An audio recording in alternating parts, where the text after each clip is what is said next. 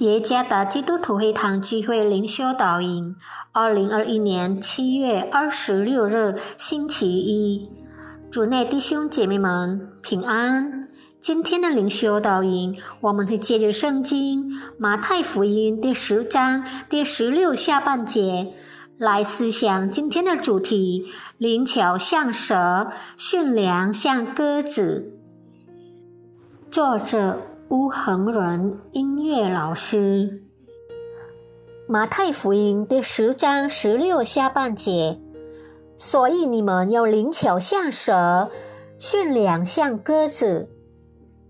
二零零九年，美国南卡罗来纳州被一个盗贼为了欺骗保安员，在脸上使用喷漆后死亡的新闻震惊了。虽然抢劫成功，但最终凶手因脸上的喷漆中毒身亡。他的死不是因为他处理问题的灵巧机智，而是因为他愚蠢的罪行。蛇必须灵巧的生存，它必须灵巧的保护自己的头不被压碎。保护自己，以免听到聪明弄蛇者的声音，并在岩石的凹陷处避难。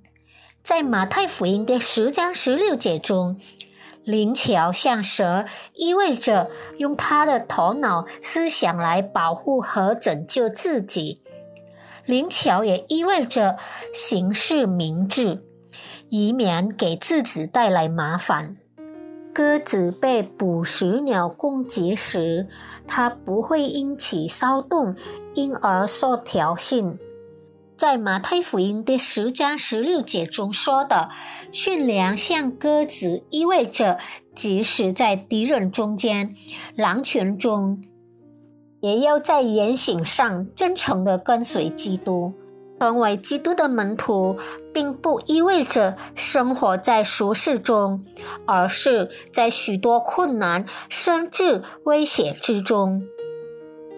基督的门徒是基督的使者，他们在黑暗的世界中彰显基督的爱，使每一个还未认识基督的人都能以按照神话语的真理生活态度来相信他。